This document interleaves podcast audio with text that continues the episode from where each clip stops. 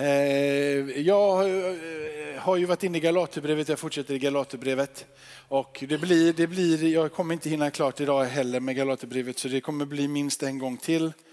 Eh, förra söndagen sa jag att jag inte skulle predika idag men, men jag, jag lurade er allihopa. Och, och, men nästa söndag så är det inte jag. Men, men eh, någon ordning får det vara. Så det, men, men så kommer jag tillbaka eh, söndagen efter sen. Eh, mm, jag, jag, väljer att inte gå tillbaka och göra så mycket lång redogörelse för vad Galaterbrevet är. Det finns två stycken delar, jag kallar det frälst, bara kort och gott. Frälst del 1, frälst del 2 och detta blir frälst del 3.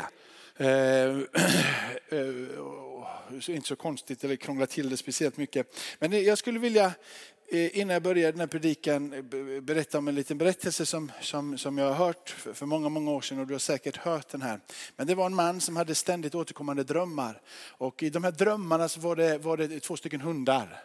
Och den ena hunden den var svart och den andra hunden den var vit. Och de här hundarna de slogs i drömmen varenda natt, var eviga natt så slogs de. Och ibland så vann den svarta hunden Eh, och, och, och, så, eh, nästa natt så, så vann den vita hunden. Och det var en ständig kamp mellan dessa, dessa hundar. Och han, den här mannen som drömde de här drömmarna började bli lite, det var lite besvärligt och lite jobbigt. Han undrade vad det betyder det här egentligen, de här hundarna. Så han gick till en vis man och frågade, eh, jag har de här drömmarna, en svart hund och en vit hund. Och eh, ibland eh, så vinner den svarta hunden och ibland så vinner den vita hunden. Och jag måste bara fråga, vad är det här? Ja, sa den vise mannen, att det betyder det är den, det är den onde och eh, den gode. Och de slår och fightas emot varandra hela tiden. Och eh, ibland så eh, vinner den vita hunden över den svarta hunden och ibland så vinner den svarta hunden. Det betyder att ibland så vinner ondskan över dig och ibland så vinner Guds godhet över ondskan. Och då så blir den här mannen såklart frustrerad. Men hur ska det gå då? Hur ska, jag, hur, ska jag, hur ska jag få det här att bli den vite hunden som vinner mot den svarte hunden? Och den vise mannen svarar enkelt, den hunden du matar är den hunden som kommer att vinna. Jag ber Fader i himmelen, Herre, att när vi läser ditt ord och går in i din text, att vi ska lära oss, Herre, att mata det som är utav dig, Herre. Att det som är ande och det som är liv och när Bibeln uppmanar oss att vandra i anden, att vi fick ta det på allvar Herre. Att vi fick förstå vad det innebär Herre. Att du har gett oss en ny skapelse, att du bor i våra liv.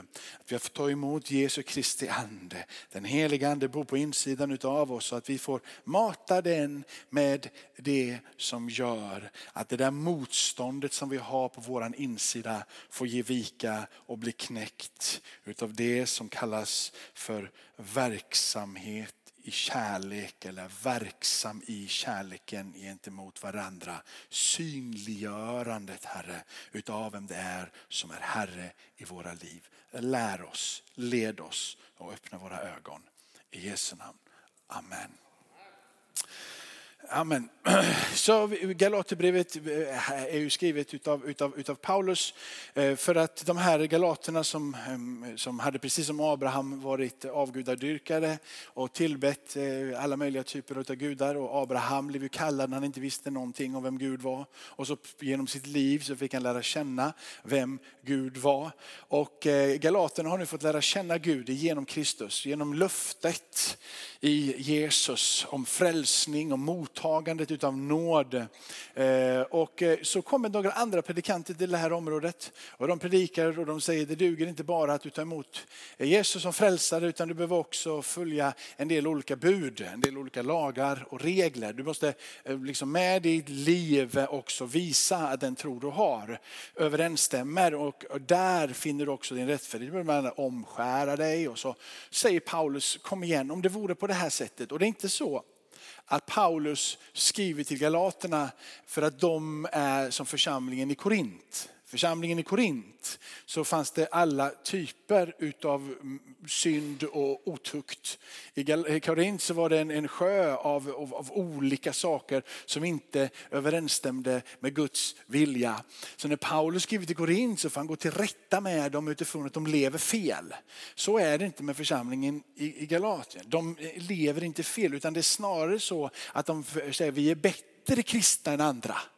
Så Paulus när han skriver får pendla mitt emellan. Å ena sidan här borta de som, de som, som behöver rätta upp sitt liv. Men till de i Galaterna så skriver han, kom igen, ni, ni kan liksom inte vinna några poäng i himmelen genom att ni är så fruktansvärt duktiga kristna. Det funkar inte så. Att ni, att ni på det här sättet lever gör inte att ni är rättfärdiggjorda. Ska ni kasta bort Kristus? Han som har dött för er, ska ni nu sätta ert hopp till yttre handlingar och inte till den nåd som har blivit given genom Jesus. Och så driver han sin tes in på den här platsen. Och då är det frågan, när han då driver den så hårt, är det då slutet för goda gärningar? Eh, eh, är goda gärningar helt utspelat. Och det är då han kommer in i Galaterbrevet 5 och pratar om frihet i Kristus. Ja, ni har fått en frihet i Kristus, men ska ni nu kasta bort den här friheten för att göra det som är fel? Ska ni använda, nej. Och sen så börjar han bana ut en resa och en väg. Och uh, ungefär så kan man säga att det här har gått fram till den här punkten i, i, i de här kapitlerna. Vi läser tillsammans Eh, och då så är i början här då så, så ger han en uttryck för, och när han börjar tala om det här nu då, vad, som, vad man borde göra och inte borde göra, så är det ju egentligen de här verserna som, som, som blir grunden för att förstå eh, det som han sen, när han börjar sen tala, ta upp de här grejerna som är fel, när det pratar om köttet och, och, och andens frukter. Men han landgör det utifrån en verksamhet i kärlek. Så i Kristus, vers 6 står det så i Kristus Jesus beror det inte på om vi är omskurna eller oomskurna, utan om vi har en tro som är verksam i kärlek. Och det första, första man får säga då, vad i hela världen är kärlek? Är det det som står liksom i, i, i någon tidning. Liksom. Eh, vad är kärlek? Jag, jag skulle säkert här inne, om alla fick säga en mening om kärlek, några skulle säkert säga samma, men det skulle vara en väldigt uppsjö. Vad är kärlek? Vad är kärlek? Och så ska vi förklara, förklara vad det här ordet är. Eh, väldigt, väldigt godtyckligt och väldigt subjektivt. Alltså du och du och du och du. Så, men men vad, vad är det han menar? Utan om vi har en tro som är verksam i kärlek. Eh, och, och, och, självklart så ska vi försöka titta på det också en liten stund idag. Ni, ni kallade till frihet bröder. Låt bara inte den friheten som ni nu har ge köttet något tillfälle utan tjäna varandra i kärlek. Och när det står köttet generellt här, när Paulus använder det begreppet, så pratar han ju inte om, om, om kroppen. Kroppen i sig själv är skapad till Guds avbild. Kroppen är inte ond. Så kroppen och dess begär eh, och lust och längtan och sådär är inte alltid genom eh, fördärvat på det sättet att det inte finns någon, vi är fortfarande skapade till Guds avbild. Va? Vi är fortfarande, eh, eh, eh, liksom, eh, ty så älskade Gud världen att han sände sin son för att det som han en gång skapade i likhet med sig själv, som var gott enligt första Mosebok, upprätta den relationen. Så det var gott. Människan är inte bara, bara äcklig, även om vi är omöjligt att möta med Gud i vårt tillstånd. Eh, eh, så, och när, han, när han är inne på köttet så pratar han om det där motståndet som finns inne i alla. Ett perverterat tillstånd i alla människor. Eh, kristna också, för dig som, som tänker att den kristna har övervunnit allting och bara segrade rakt igenom, det finns inga problem längre och, och, och allting är uppspikat på korset. Så ska jag visa dig att det faktiskt är lite så här att vissa saker eh, är uppspikade på korset men det är som att det hela tiden finns en skugga kvar i dig. Det är något retsamt på insidan som vill driva dig in i gudsfientlighet. Det är något retsamt på insidan som vill driva dig in i en protest emot Gud. Det finns någonting retsamt på insidan som vill göra uppror. Det kallas för egoism, självupptagenhet och så vidare. Då, va? Det är det som driver dig och mig bort. Och slutändan så landar vi i två diken stolthet. Och så, ni är med va? Det, där, det, det, det, det där. Och det kommer, det kommer tillbaka det sen här. Och så i vers 16, vad vill jag säga med detta? Så säger han, vandra i anden så gör ni inte vad köttet begär. Och, och, och då så kommer, alltså, när vi då pratar vandra i anden, det är inget diffust, flummigt. Liksom, nu ska jag vandra i anden. Liksom så bara, du vet, bara känna och sådär. Det, det är inte det. Det är upplevelsen, är mötet med Gud, erfarenheten av andens liv kan eh, och, och är känslobetonat. Eh, det är väl kanske, liksom om du tittar på, på, på de som, som, som eh, har skrivit mycket genom, genom världshistorien, då, genom kristenheten, så finns det ju en del som tenderar att överdriva det här med det känslor, känslorna och en del som har en tendens att säga att det inte betyder någonting.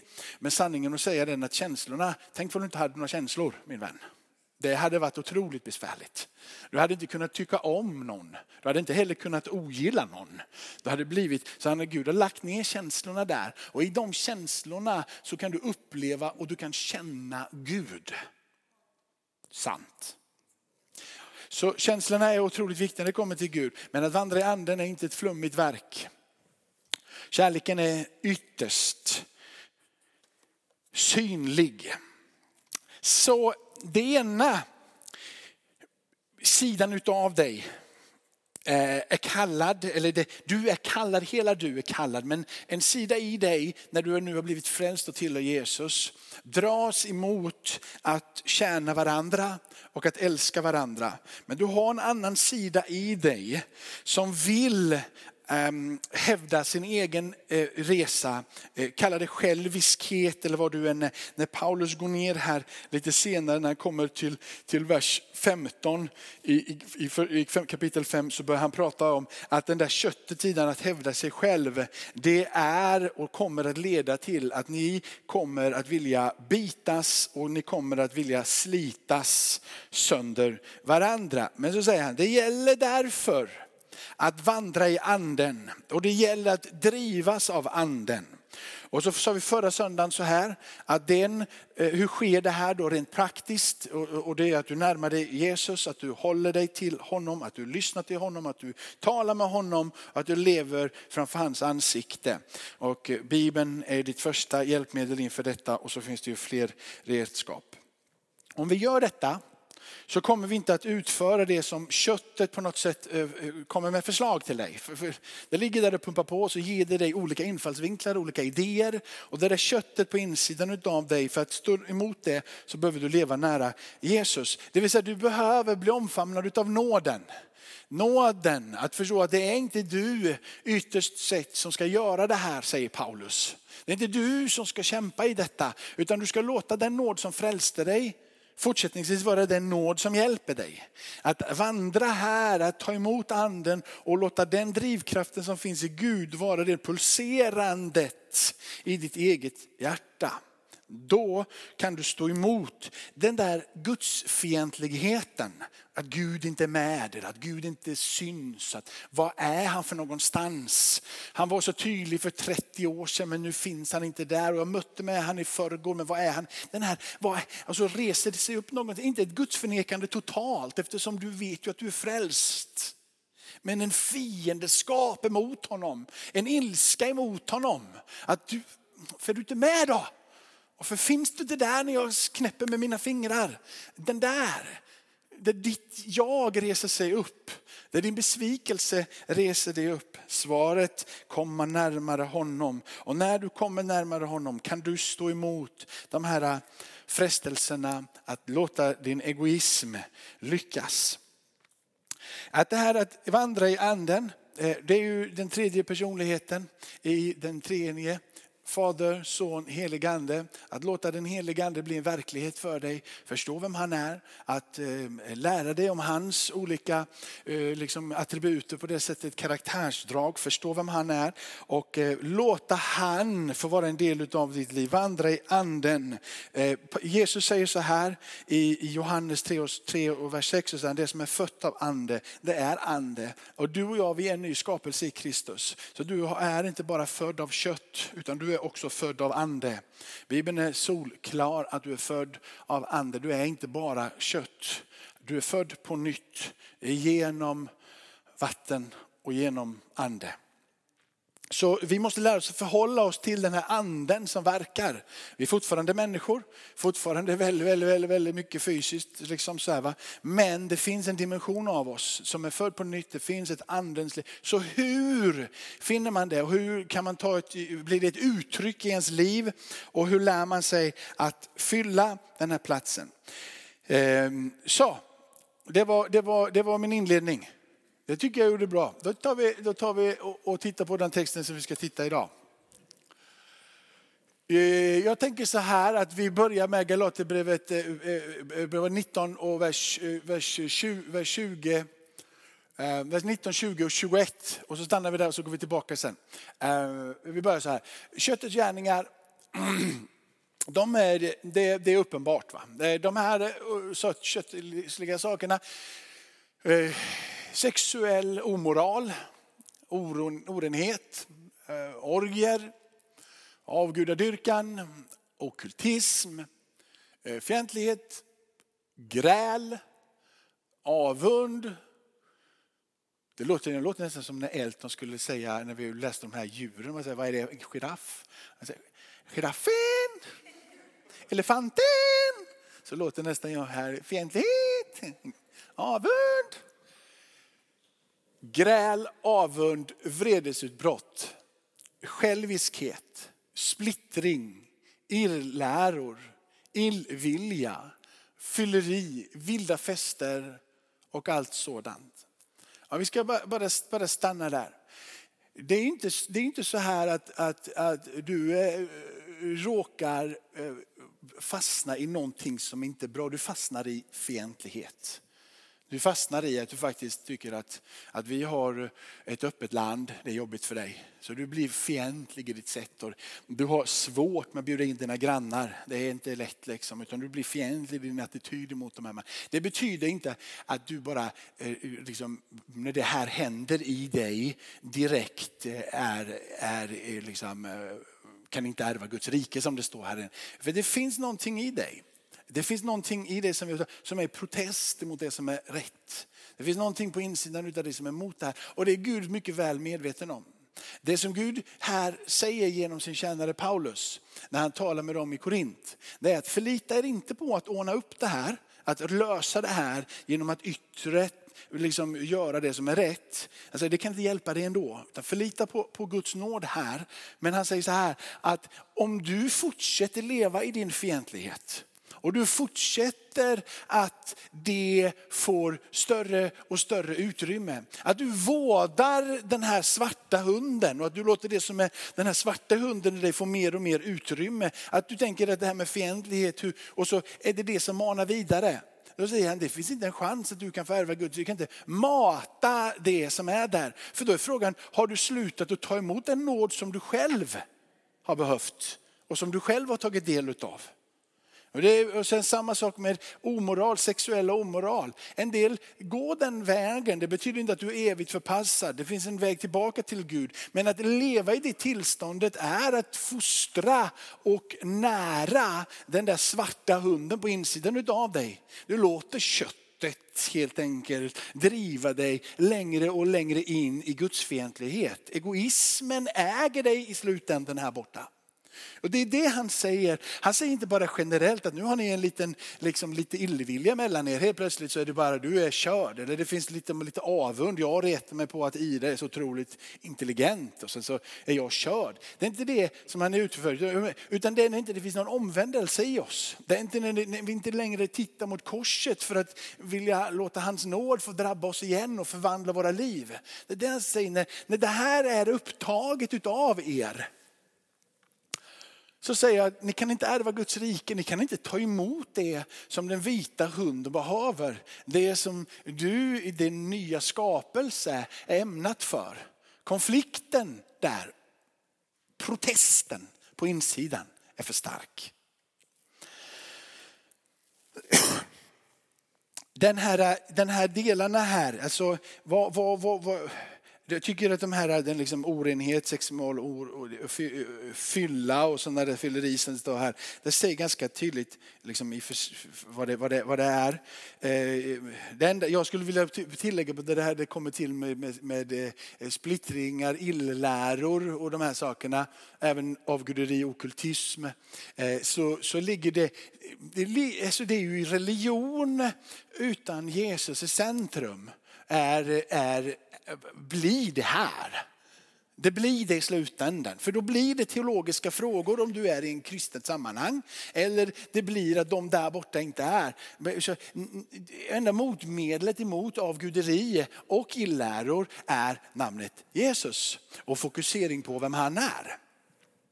Och, och, där så, så kommer liksom nåden så att vi får kraften i både splittringarna och de här illärorna. För man strider inte för en illära utan man går tillsammans och möter Kristus. Och man låter gemenskapen i anden forma våra hjärtan tillsammans. Man pekar inte på sitt rätt utan till och med kan man böja sig om man skulle ha fel för att andens närvaro och längtan efter det som Gud ytterst sett ordnade på korset. Upprättelsen utav relation mellan Gud, mellan människor och med dig själv. Så, så det ligger här ett, det som ytterst sett är menat är relation. Relation, relation, relation med Gud, relation med varandra och så vidare. Och svaret, för vi kommer tycka olika. Svaret är att mötas vid korset med Jesus och låta anden få driva oss och låta oss mata den goda sidan. Så det som vill resa sig upp på insidan av oss som vi alla har, inklusive Jakob. Eh, de här, sen har du då, och, och det, som, det kommer vredesutbrott här och, och gräl och liksom ah, av, med avundsjuk och så vidare. Om man tänker sig så här, vad, vad, är köttet egentligen? Köttet på ett, på ett plan är ju ditt själsliv. Allting som finns i ditt känsloliv är ju köttet. är Det som bor inneboende i dig genom alla dina erfarenheter. Det du har gått igenom, det du inte har gått igenom, det du hoppades gå igenom men du ändå fortfarande har missat. Hela det där, det där själslivet utav, eh, liksom, det, det, ligger här som en bank. Och eh, Bibeln pratar om, om hjärtat där. Så, så köttet på något sätt får bli ditt bedrägliga hjärta eh, och ditt själsliv. Hur du än vänder och vrider så är du formad av det som vi har gått igenom i livet. Och där reser sig protesten. Eh, intellektet, ditt förstånd i det här. Det, det, det är påtagligt hur vårt intellekt och vårt förstånd, han säger att du ska älska utav eh, liksom hela ditt hjärta, av din kraft, av ditt förstånd, av din själ. Det där, när vi ska älska Gud. Det betyder att upproret och gudsfientligheten också ligger i vårt intellekt. Vi ska använda vårt intellekt för att styra det mot det som är Gud. Och där vill Gud vara Herre även där. Eh, och, och, I det här så, så, ser du att det strömmar in i och ut ifrån varandra. Men eh, när Paulus tar upp det här med dem så är han inne, han är inne och rör i de här sakerna i det som är vardagliga eh, disputer, bara mitt, mitt emellan varandra. Utbrotten, födda i egoism, hävda min, min aggressiviteten. Det är på alla sociala plan. Det är inte bara några få saker utan han, han han, han liksom vill lägga upp en bild av att detta infattar det här upproret, alla delar. Det är inte bara separat här borta när det kommer till hur du tänker och tycker. Utan det här upproret är överallt. Det finns överallt. Det går inte att säga det är bara i kyrkan, nej det är också i, i, i ditt hem. Det är i, i, i, det du läser. Det är det, det eh, Paulus, eh, liksom, eh, det är inte bara här det finns, om man ska säga så. Här är köttet, där är upproret. Så är det bara de här sakerna. Och allting som är bortanför där är det, är det inte. Då. Det, är inte det är inte det han säger, utan han bara, han bara liksom talar ut några olika saker för att vi ska förstå att det där, är protesten, upproret, det ligger där.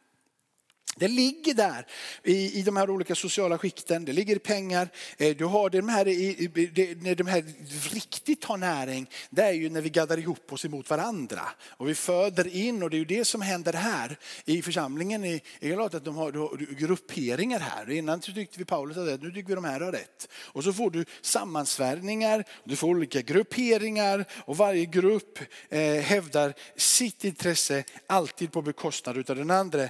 Och han säger det är inte så här det ska vara.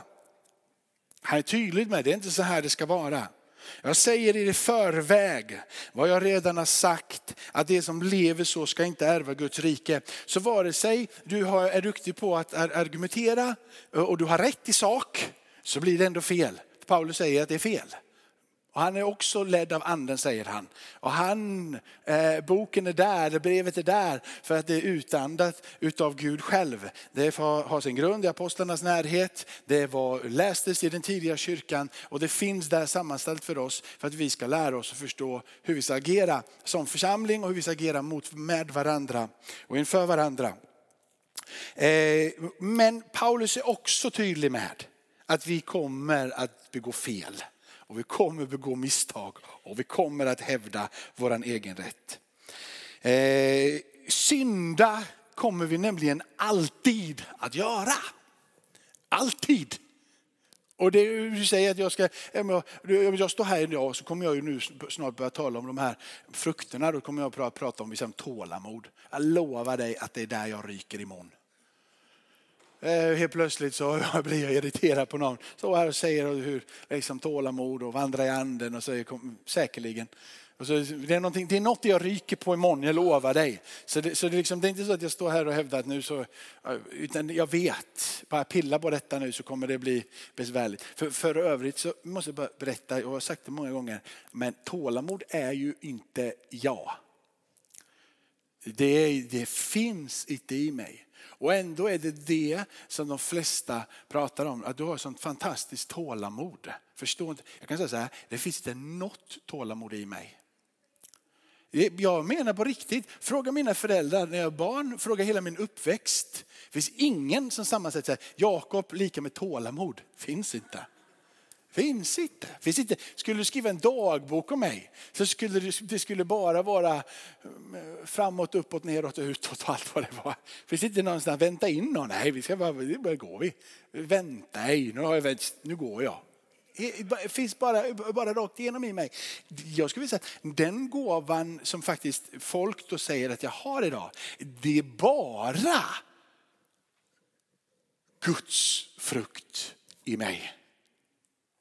Och det, det, jag, kan säga, jag kan på ärligt säga, jag, jag, kan, jag kan berömma, nu står jag här och säger det, det ska man inte göra egentligen. Men, men jag vill bara poängtera, jag berömmer mig utav det här tålamodet. För jag vet att det inte är jag. Jag vet att det inte är jag. Så jag, och då känner jag att jag kan berömma mig av det. Jag kan säga, bara, tack Jesus. Ja, det, jag, förstår ni? Det, och jag, det skulle nästan bli patetiskt om man stod här och sa att ja, men, eh, man har eh, helandets gåva. Vad hjälper det? Men tålamod hjälper hela vägen helandets gåva. Det kommer någon och vill att jag ska vara med i något tv-program eller någon helandets gåva så vill jag skriva en bok om helande. Och helandets gåva så skulle jag liksom, wow, nu blir det fullt i kyrkan direkt, bara pang bom. Det är häftiga grejer. Så tålamod, det är inte speciellt många, eh, fint. Eller? Det är inte speciellt liksom så, eller?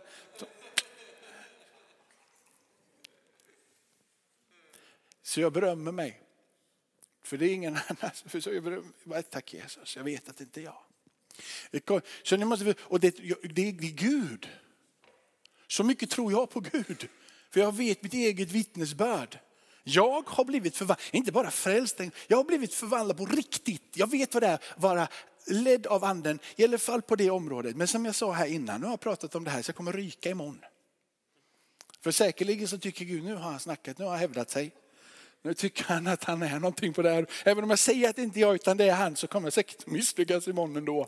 Det är det här som är den här andliga kampen, egoismen som reser sig upp. Motståndet emot att Gud ska ha ära i ditt liv överhuvudtaget. Och du säger Gud ska ha ära i mitt liv och du vill vara driven av anden. Och motståndet reser sig upp och säger nej, han ska inte ha någon ära. Det är ständig kamp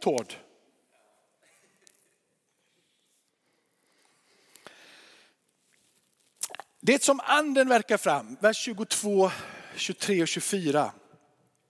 Det som anden däremot gör, jag blev klar va? Ja det blev jag. Vi går vidare nu. Andens frukt är däremot Nu ska jag inte göra den där elefanten. Utan kärlek, glädje, frid, tålamod, vänlighet, godhet, trohet, mildhet, självbehärskning. Sådant är lagen inte emot. Det som tillhör Kristus har korsfäst sitt kött med dess lidelser och begär. Vet du vad det sista betyder? Det betyder att du inte är själv i kampen mot din egoism. Det sista betyder att du inte står ensam för att kunna fånga upp det som ska återspeglas i dig, det vill säga Jesu liv. Den sista versen där betyder att du inte står ensam i din egen egoism, i din egen gudsfientlighet. Att du inte står ensam i din protest emot att låta Gud få äran och vandra i anden. Det är korsfäst. Han har dött och han har gett dig möjligheten att få en annan Herre på alla dessa områden i ditt liv som vill resa sig upp emot hans vilja. Anden ska få verka fram vad Paulus kallar frukter. Det är inte egen prestation och det är inte mänskliga Eh, kvalifikationer eller inte ens ambitioner som kan föda fram detta. Ehm, det, går liksom, så det finns en generell nåd ehm, det vill säga generell givare som låter gåvorna strömma över alla Guds barn. Och I Bibeln så finns det två nivåer på Guds barn. Det vill säga alla de som han har skapat, hela mänskligheten. Vi är hans barn. Men det finns de som specifikt blir Guds barn genom tron på Jesus Kristus. Så hela mänskligheten är hans, han är allas fader. Vare sig du tror på honom som fader eller du inte tror på honom som fader. Men om du tror på honom som fader så eh, är han till och med så långt stiget din liksom, pappa. Och eftersom hela mänskligheten är hans så har han låtit generella gåvor som återspeglar vem han är över alla människor. Så det kan vara en del människor som är otroligt generösa för att deras ursprung, deras skapare är det mest generösa som finns. Men sen finns det de som har fått det som en nådegåva. Liksom, de här sakerna som du står här är inte bara de som är, det här, det här är inte, det är nio stycken så är det stopp där. Det är inte så. Utan, utan ehm, kärleken är grunden för vad det här ska verka fram. Vi kommer dit, jag ska köra i sju åtta minuter till. Men det är bra ställen att gå till. Roma, eh, Romarbrevet 12, ett bra ställe om du vill skriva upp Romarbrevet 12, är bra att gå till för att lära dig förstå ännu mer vad andens frukter är. Liksom, där, kärleken, som ser ut, där kärleken är grunden och det som strömmar ut så du kan förklara vad kärleken är. Kommer du ihåg vi sa det i början, vad är kärlek? Många definitioner utav det. Bibeln har en definition utav det.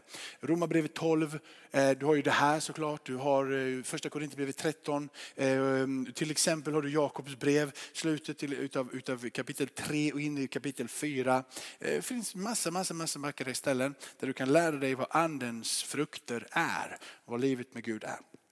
Så, så, så, så det, men det finns de här sakerna som ligger nedskämt bara generellt. Men så finns det det som är fött och som du kan ta emot av Gud själv. Där du söker Gud och där du eh, gör det som vi sa i början, du vet, söker Jesus och lyssnar på honom, är med honom, är i närheten av honom. Och låta det där andelivet drivas in. Du liksom, kom ihåg, inte flummigt och inte liksom det där, utan det blir verkligen verkligt av det. Precis som tålamod har verkts fram i mitt liv. Så det är inte frågan om mänskliga ambitioner, inga egna prestationer, utan det är någonting som växer fram i vårt Kristusliv. Och det här är, det här är kärleken måste börja på den platsen. För på något sätt så, så, så, är det så att kärleken blir den som bär upp allting annat. Kärleken blir den som bär upp den glädje som Gud ger, den frid som Gud ger, det bärs av den här kärleken. Tålamod är ett uttryck för kärlek. Så kärleken blir det som hela ditt tålamod får vila på. För kärleken blir det som ger energin till tålamod. Varför ska jag ha tålamod? Jo, för att du först har blivit älskad. Och för att kärleken bor i dig. Och kärleken är det som får mana mig att visa tålamod. Och då blir inte att vara ledd av anden flummigt. Utan det blir allra högsta grad verkligt. För jag kan inte säga att jag har kärlek driven av anden och älskar att vara med personen, den heliga ande och sen har jag inte tålamod där. Och sen kommer du att misslyckas. Han sagt det, du kommer att synda på det här och jag kommer vara den första som gör det imorgon. Men, men Bibeln, Bibeln liksom, det här är ordningen. Det här är ordningen. Att anden är där och du tar emot anden, du lär känna kärleken och du börjar säga att jag älskar. Och för att folk här ska förstå att det inte är ett flummigt moln som du liksom lutar dig på, så märks tålamod. Godhet märks, syns. Du längtar efter att vara driven av anden och det som Gud vill göra så föds det fram i ditt liv. Det är inget flummigt, det är verkligt. Frukterna är inte frågan om dygder, egenskaper som vi äger eller tränar oss fram till. Utan gåvor mottaget utav Gud själv i nåd. Du tar emot gåvor. Du söker anden och du tar emot gåvor. Och det som är utav ande i dig börjar bära frukt. Kärleken som grund och det kommer och det föds fram. Livet från honom själv, när du söker det, skapa likhet med honom. Som, jag vet, den, som den som du umgås med, sådan blir du. Så livet från honom skapar likhet med honom. Så vi kan inte lura oss själva. Om det är så att ni här upplever att Jakob är väldigt på något sätt i någonting. Så, så det måste liksom, jag, det, jag måste böja mig. Jag måste böja mig. Jag kan inte, jag kan inte vara, eh, liksom, jag måste, vi, måste, vi måste hitta den platsen tillsammans där vi böjer, så vi är ledda av anden. För det syns och det märks om han är Herre i ditt och mitt liv. Det, det märks. Jag älskar att vara med Gud och jag är tacksam för att jag är frälst av nåd och så vidare. Men också talar Bibeln om att vi ska faktiskt gå vidare på den här resan. Att vi ska söka Gud i det här, låta anden leda så att det liv som Gud har att erbjuda, erbjuda oss blir synligt i våra handlingar. Inte på ett flummigt, inte på något diffust sätt, utan verkligen verkligt.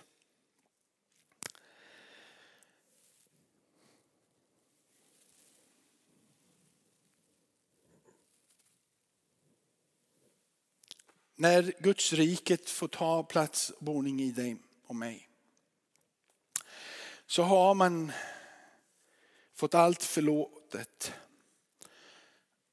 Och när man har fått allt förlåtet och förstår vad det innebär så eh, börjar en livslång process med att sluta hävda sig själv. Och jag är specialist på det. Jag har varit ända sedan, alltså, i skolan så var alla lärare på mig för jag hördes mest. Eh, och eh, när jag bytte skola när jag var 11 år där, eh, det var ju katastrof. För jag hördes ju mest och ville synas mest. Och jag hade ett, ett oerhört behov av att hävda mig av att synas. Ja, och, och liksom, det har ju varit min ständiga resa ända sedan jag var det var när vi bodde i Göteborg först var det inte så farligt för det var, vi var uppvuxna tillsammans och då har man hittat sina roller och sina platser. Men så kom man till en helt ny skola och det bara syntes ju direkt. Liksom. Det är det enda som finns. Han vill synas, han vill hävda sig själv. Han, han, vill, han, vill, han vill märkas. Så sen jag är 11 år och jag har fortfarande kommit väldigt kort bit på den här vägen. För jag vill fortfarande hävda mig själv. Där har jag inte fått samma nåd som jag fått på tålamod. Liksom. Men jag är bra mycket bättre än jag var 11 kan jag säga i alla fall. Och vi tackar Gud för det också. Men här är någonting som lever i ett ständigt uppror på min insida och jag behöver kämpa.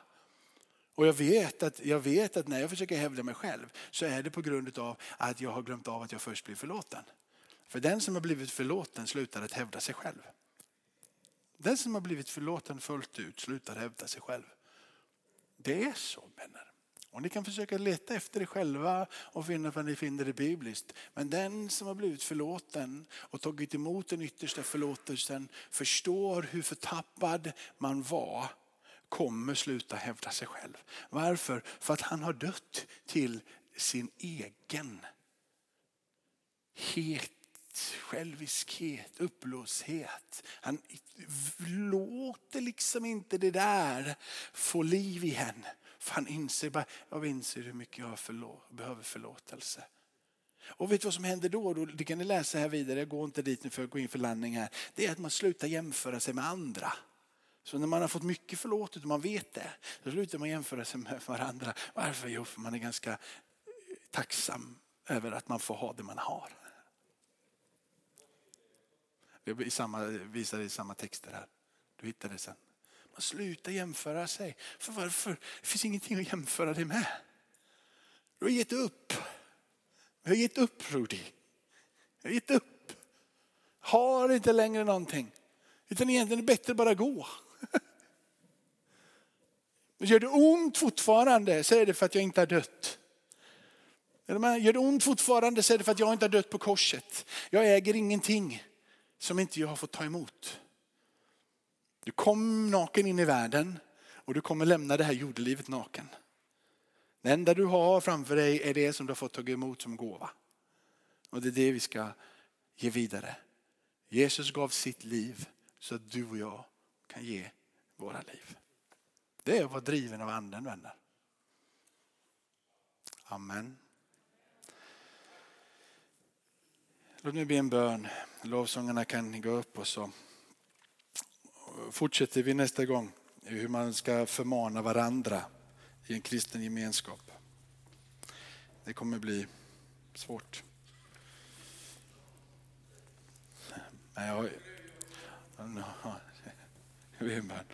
Tackar dig Fader i himmelen för att vi, får, att vi får ha den här platsen, att vi får faktiskt försöka gå tillbaka till skriften. Och låta skriften vara det formativa, det som skapar liv och rörelse. Ehm, eh, vi hävdar inte att vi förstår allting, men vår längtan är att förstå. Vi säger inte att vi vet allting, utan vi säger att vår önskan är att förstå mer. Ehm, vi säger inte att vi kan varenda, varenda liksom bibel utläggning och att vi har rätt i all teologi. Men en sak säger vi att vår längtan är att förstå det på rätt sätt. Vår längtan är att endast Kristus skulle få vara den sammanhållande länken i församlingen i Linnéakyrkan. Att Jesus fick vara Herre på morgonen och på kvällen. Att han fick vara vår mästare hela dagen. Att vi är ett folk som är ledda av anden. Att vi får ta emot gåvor ifrån dig ande. Att vi får känna och uppleva och att vi får göra det här verkligt. Ta emot av dig det. Vi ber här att vi som kämpar med kanske det med självhävdelse eller sådär, vad det nu må vara. vi fick ta emot den här gåvan. Jag förändrades. Den där, den där söndag eftermiddagen så var det någonting som hände. Vi tog inte emot gåvan att bota sjuka den här söndagen, men den söndagen så var det någonting som hände i församlingen. Vi tog emot gåvan. Tog emot den helige ande. Tog emot dig helige ande. Fick erfara att bli döpta i den heliga ande, få ta emot gåvorna i den heliga ande. Frukterna börjar bli synliga för att vi har blivit dränkta utav dig själv. Vi kommer till korset och du reser oss upp. Och sätter oss tillsammans med våran fader i himmelen. Från den platsen lever vi våra liv i ödmjukhet och i tacksamhet. Ära vare Fadern och Sonen och den helige Ande, nu och för alltid och i evigheternas evighet. Amen.